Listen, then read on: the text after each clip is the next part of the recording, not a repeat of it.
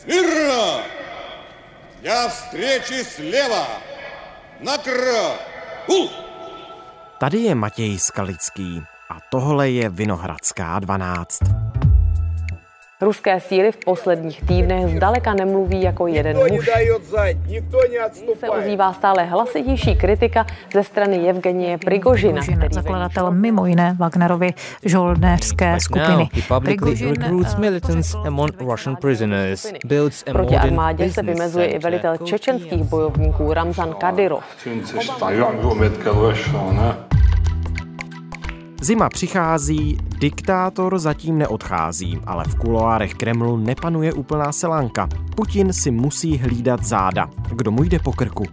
Ruská hra o trůny. Téma pro Ivanu Milenkovičovou, bývalou zpravodajku a naší expertku na Rusko.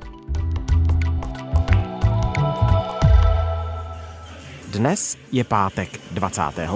listopadu.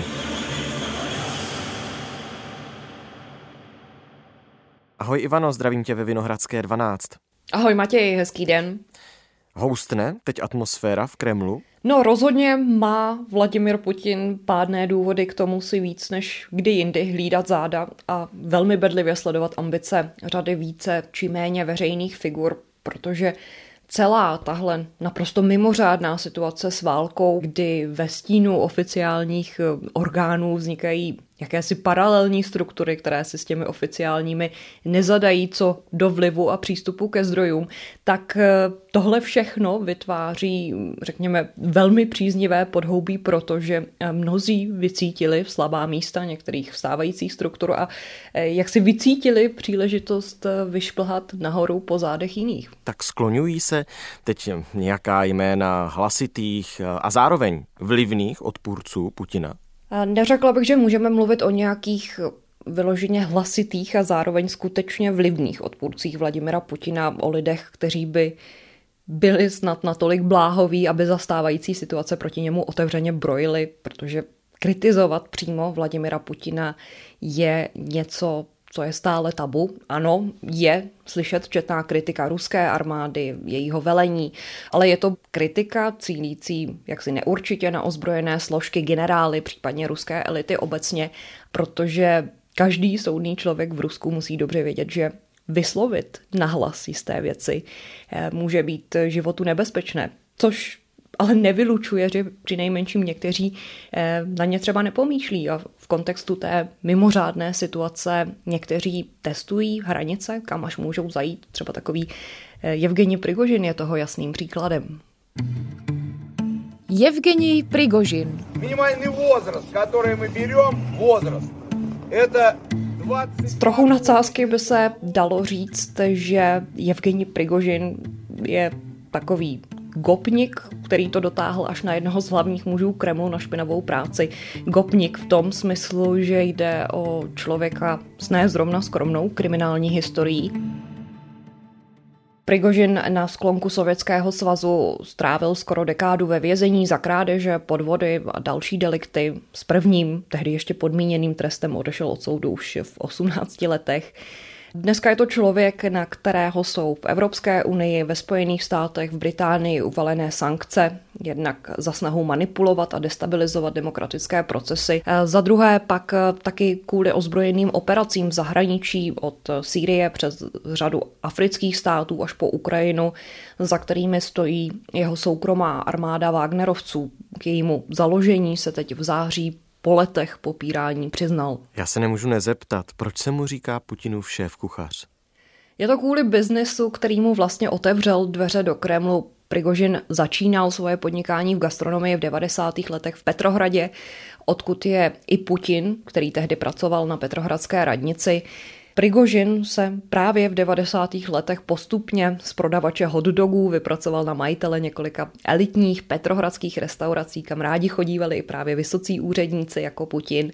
Nicméně takovým milníkem v té kuchařské v úzovkách kariéře v- pro Prigožina bylo až to, když rozjel celou vlastní cateringovou společnost Concord a další na ní navázané firmy a ty pak začaly postupně obsluhovat státní recepce, různá mezinárodní fóra a přibyly k tomu pak zhruba před dekádou i školy v Moskvě, nemocnice, další státní zařízení a taky ministerstvo pro mimořádné situace nebo ministerstvo obrany. No a když už se do toho Prigožin pustí, jak to dokáže svým protivníkům osolit, tak nějak řečeno, jak váženým hlasem je? Je to rozhodně člověk, jehož význam v posledních měsících prudce vzrostl, jak nedávno v rozhovoru pro web Nová gazeta Evropa celkem příhodně podotknul ruský politolog Andrej Kolesnikov. Prigožin je teď takovým dodavatelem na dvůr jeho veličenstva v opravdu širokém slova smyslu, nejenom masa na stůl, ale i toho na frontu. Je to verbíř žoldáků, kteří budou nasazení na místech těch nejtěžších bojů, nehledě na ztráty na životech.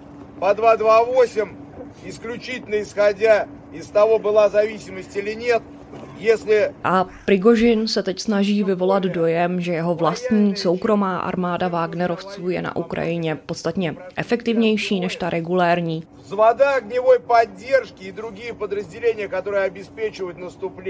Od čehož si eh, zřejmě slibuje větší tok peněz ze státní kasy, který svého času nějakých pět let zpátky eh, značně vyschnul po té, co si armáda pod vedením Sergeje Šojgu a začala stěžovat na kvalitu jim poskytovaných služeb, na to, že třeba jídlo bylo plesnivé, že bylo skažené. Tam někam podle všeho sahají některé první třenice mezi Prigožinem a ministerstvem obrany v době, kdy Prigožinovy firmy přišly o miliardové zakázky. A druhou velkou třecí plochou pak bylo, když Prigožin začal organizovat verbování žoldáků na Ukrajinu, do Sýrie, Libie a dalších zemí. A navíc konkrétně v Sýrii začala jeho soukromá armáda Wagnerovců jednat na vlastní pěst ministerstvu obrany navzdory eh, ve snaze získat podíl na obchodu s ropou a plynem na územích, která pak eh, znovu připadnou pod kontrolu vlády Bašára Asada. Zmiňuješ tu soukromou armádu Prigožinovu, Wagnerovu skupinu, Wagnerovce. On ji založil, tuhle skupinu, on ji vede. Jakou sílu to Prigožinovi dává? Je v nějaké speciální pozici právě kvůli tomu, že má tyhle vojáky k dispozici? Dává mu to určitě páky nejenom jak se finančně obohatit, ale taky získat politický vliv a to přímo u toho nejvyššího. Byly to právě Prigožinovi žoldáci, kteří se někdy koncem března v Dubnu objevili na Ukrajině, tedy v době, kdy bylo jasné, že regulární ruská armáda neudrží některé pozice vlastními silami na to, aby dobývala nové. A tohle jak si dávalo Kremlu naději, že možná nebude potřeba sáhnout po tak bolestném, nepopulárním opatření, jako je plošná mobilizace, ale to, že tu existuje nějaká paralelní struktura, která konkuruje regulérní armádě, která se jinak těší značné důvěře Rusů, to, že se teď ukazuje určitá neefektivnost regulérní armády vedle takovýchto šedých struktur, že teď jenom stěží může vyrůst nějaká všeobecně uznávaná postava generála, eh, která by se těšila všeobecnému uznání, tak eh, tohle všechno je vlastně pro Vladimira Putina osobně v určitém smyslu vítané. Dva se perou a třetí se směje. Tak.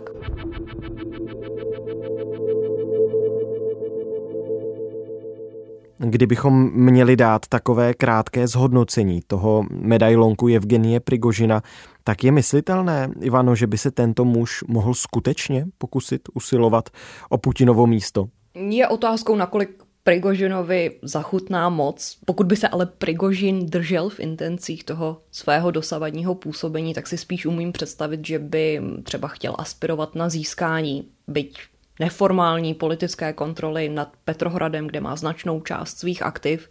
Je taky otázkou, jak se budou dál vyvíjet interakce Prigožina s dalšími vlivnými hráči. Zatím jsme mohli vidět třeba takové pozoruhodně synchronizované útoky na ministerstvo obrany, které podniká spolu s čečenským vůdcem Ramzanem Kadyrovem. Ramzan Kadyrov. Dokudan, olsun, zimmelledegi olsun, Ramzan Kadyrov to je člověk, kterého svého času poměrně trefně ruská novinářka Anna Politkovská označila za jakéhosi draka, kterého si Kreml vychoval a teď ho musí neustále krmit, aby nechrlil oheň. Člověka, který představuje takové nutné zlo, které musí Kreml tolerovat, jestliže chce mít relativní klid na severním Kavkaze. Tady je přitom na místě připomenout kontext Putinova vzestupu k moci, co by člověka, který deklaroval odhodlání nekompromisně, definitivně ukončit čečenskou rezistenci a teroristické výpady na ruské cíle. A právě klan Kadyrovců se v tomhle procesu měl stát klíčovým když ze strany protiruského odboje Kadyrovci přešli na stranu Moskvy. A výměnou za lojalitu pak dal Kreml Kadyrovovi naprosto volnou ruku, aby si uvnitř Čečenska dělal, co chce. Kadyrov je tak v situaci, kdy si může dovolit to, co jiní ne, na co jiní ani nemůžou pomyslet, vytvořil vlastně soukromý stát ve státě a Kreml to toleruje, byť určitě s nelibostí. No, když mluvíš o tom, že si může dovolit to, co jiní ne, tak já jsem vlastně byl docela překvapený s ohledem i na to, jak teď on kritizuje Putina za to, jak vede válku na Ukrajině, protože já jsem měl za to, že mezi Kadyrovem a Putinem vládne jakési neochvějné přátelství. Pozor, já bych neřekla, že Kadyrov kritizuje přímo Putina. On kritizuje vedení ruských silových struktur, armádu jako takovou, velitele, ale ne Putina osobně konkrétně kritizuje jaksi neadresně nedostatečnou odhodlanost nasadit všechny dostupné prostředky, včetně taktických jaderných zbraní, ale neříká třeba nic ve smyslu toho, že by bylo chybou podniknout invazi, že to byl osobní omyl Vladimira Putina.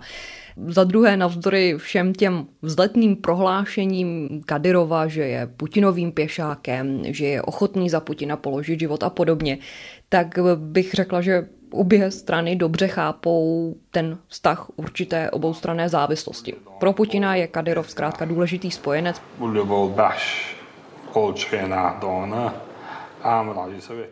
Potřebuje ho k ochraně onoho měkkého ruského podbříšku na Kavkaze, byť je zároveň pro Kreml Kadyrov nepochybně obrovským bolehlavem.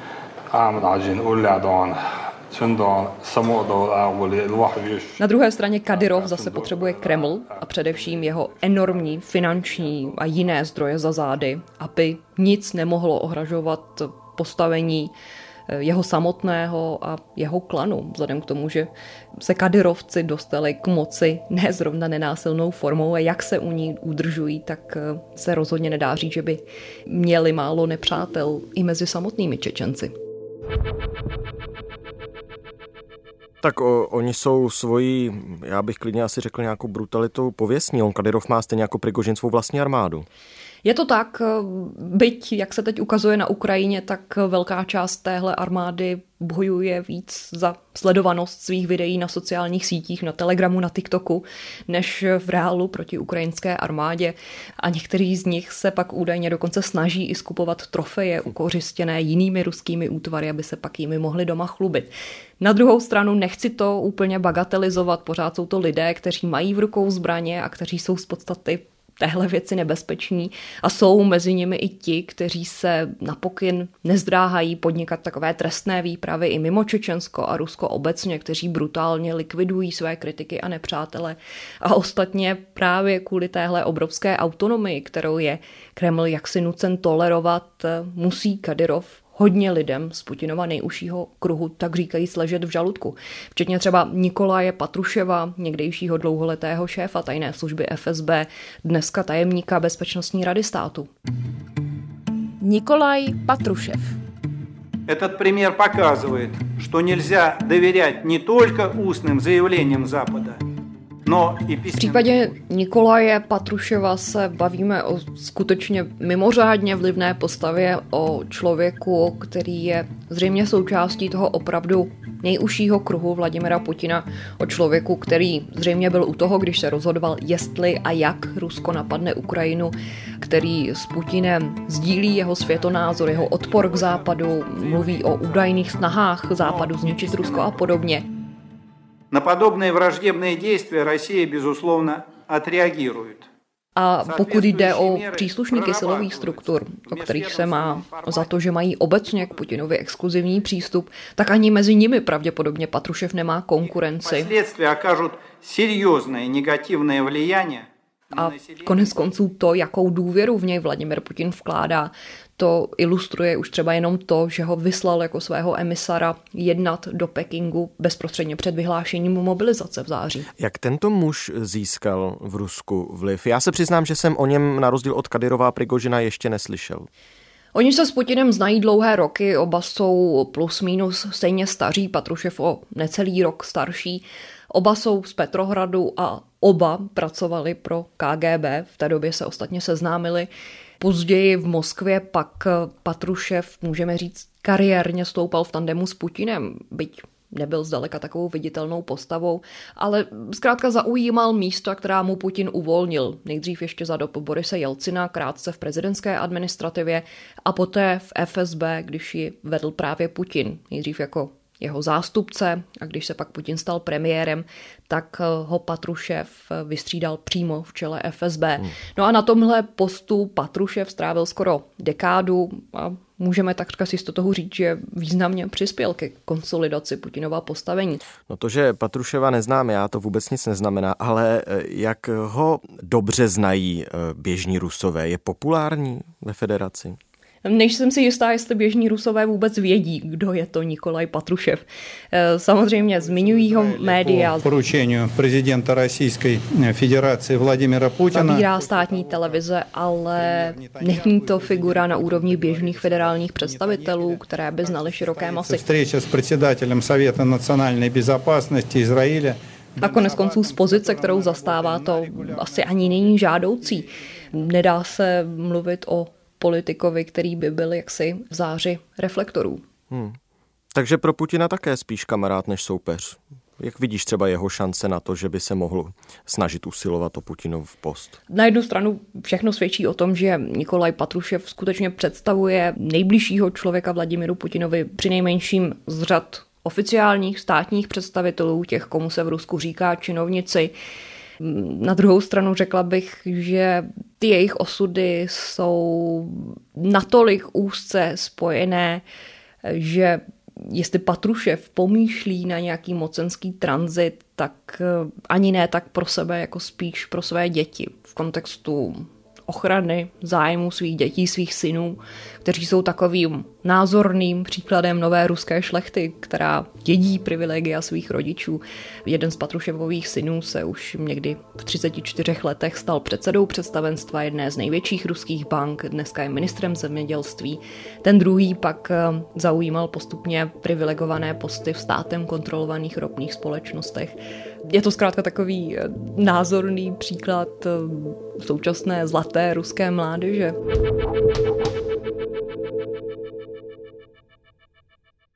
Ivano, server Politico sestavil před časem několik možných scénářů, co by kdyby. My jsme tu zmínili tři jména lidí, kteří jsou blízcí Vladimiru Putinovi. Politico na seznam možných Putinových nástupců zařadil i třeba ex-prezidenta Dmitrie Medvěděva, bývalého šéfa Putinovy ochranky Alexeje Djumina, premiéra Michaila Mišustina a tak dále. Zapomněli jsme na někoho skutečně významného? V případě Medvěděva nebo Myšustina se mi to jejich zařazení na seznam jeví takové prvoplánové, protože oba jsou to svým způsobem lidé na jedno použití. Medvěděv ten svoji historickou úlohu zahřívače trůnu sehrál a Kreml už ho nepotřebuje. Z čehož vlastně zjevně částečně pramení i jeho frustrace, kdy na sociální sítě neustále přispívá takovými zlostnými výlevy. To jeho postavení je dneska zkrátka marginální a Mišustin ten je pro změnu takovým panem Šedým, nevýrazným technokratem a exekutivcem, který eh, svoji roli plní právě teď. Dumin je člověk eh, poměrně mladý, ambiciózní, o tom ještě možná dost uslyšíme, nicméně je tu i několik dalších figur, o kterých bych sice nemluvila přímo jako o možných nástupcích, nebo o někom, kdo by eh, na něco takového pomýšlel, ale kteří jsou rozhodně mimořádně vlivnými aktéry a u kterých se dá předpokládat, že budou velmi tvrdě hájit svoje osobní zájmy a budou se určitě hlásit o slovo, pokud by došlo na nějaký mocenský boj. Tak o kom se mluví, nebo koho by si zmínila zrovna ty? Je to jednak Jurij Kovalčuk, což je blízký rodinný přítel Putina, další rodák z Petrohradu, odkud se taky znají. Oficiálně sice nezaujímá žádnou pozici ve státní správě, ale platí za takového neformálního Putinova poradce, možná můžeme říct až bankéře, protože stojí ve vedení banky Rasia, která je úzce spojená s státními operacemi, ale i těmi neoficiálními, kdy na offshoreová konta v cizině přes poměrně spletitou síť společností míří peníze vrcholných ruských představitelů. No a pak jsou tu ti, kteří v současné invazi vycítili určitou příležitost. Globálnímu rynku. To je takový principiální výbor, který my сделали už několik let nazad. Je to jednak Sergej Kirienko. Nesуществует рынка одной отдельно взятой страны. Это открытый глобальный který na sklonku 90. let platil za jednoho z takových mladých politických reformátorů, stejně jako třeba Boris Němcov nebo Anatolij Čubajs, eh, dokonce krátce stanul na postu premiéra. Dneska je to zástupce vedoucího prezidentské administrativy, eh, člověk pověřený agendou Ukrajiny a okupovaných území, člověk, který tam mnohokrát osobně jezdil v posledních měsících a prohlašoval, která tam Rusko zůstane navždy. Eh, za druhé je to taky člověk, který se teď eh, angažuje i při oficiálním formování jakési nové státní ideologie. Toho, co se bude učit na školách, to, co se bude snažit předávat eh, ruským dětem a mládeži. No a v neposlední řadě je tu ještě neméně ambiciozní postava v podobě tajemníka strany Jednotné Rusko Andreje Turčaka, což je mladý politik eh, z prominentní petrohradské rodiny, který se v posledních měsících taky často a rád nechával vidět na Donbase nebo třeba v Mariupolu. Mně se líbilo, jak si před eh, pár chvílemi mluvila o tom, že někteří eh, rusové jsou na jedno použití, tak uvidíme, kteří z těchto tebou zmíněných nebudou na jedno použití. Ono to je v Rusku asi poměrně velké štěstí nebýt na jedno použití. Pojďme si teď zaspekulovat úplně závěrem, jaký scénář v momentě, kdy Rusko prohraje, ti přijde nejpravděpodobnější. Co pak bude s Vladimírem Putinem? Třeba Aleksandr Dugin, ideolog takzvaného eurazijského hnutí, ten nedávno varoval, že Putinovi prý může hrozit i osud vládce deště, tedy že ho vlastní společnost ve světle všech těch neúspěchů obětuje.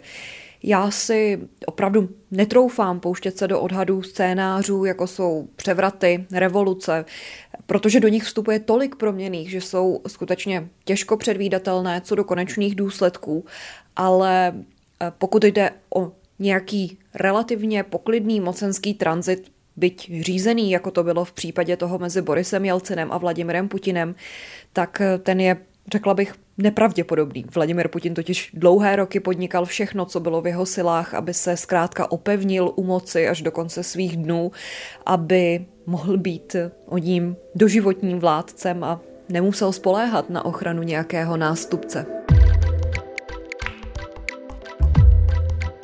Díky moc za to povídání. Já děkuji za pozvání. Tohle už je všechno z Vinohradské 12, z pravodajského podcastu Českého rozhlasu. Dnes s Ivanou Milenkovičovou, naší bývalou spravodajkou v Rusku, která tamnější dění dál bedlivě sleduje. Touto epizodou končí další pracovní týden, snad byl pro vás úspěšný a Vinohradská 12 vám dodala patřičný přehled o tom, co se děje u nás i ve světě. O víkendu nabídneme jednu speciální epizodu, rozhovor se Světlanou Cichanouskou, vůdkyní běloruského demokratického hnutí. Naslyšenou v neděli.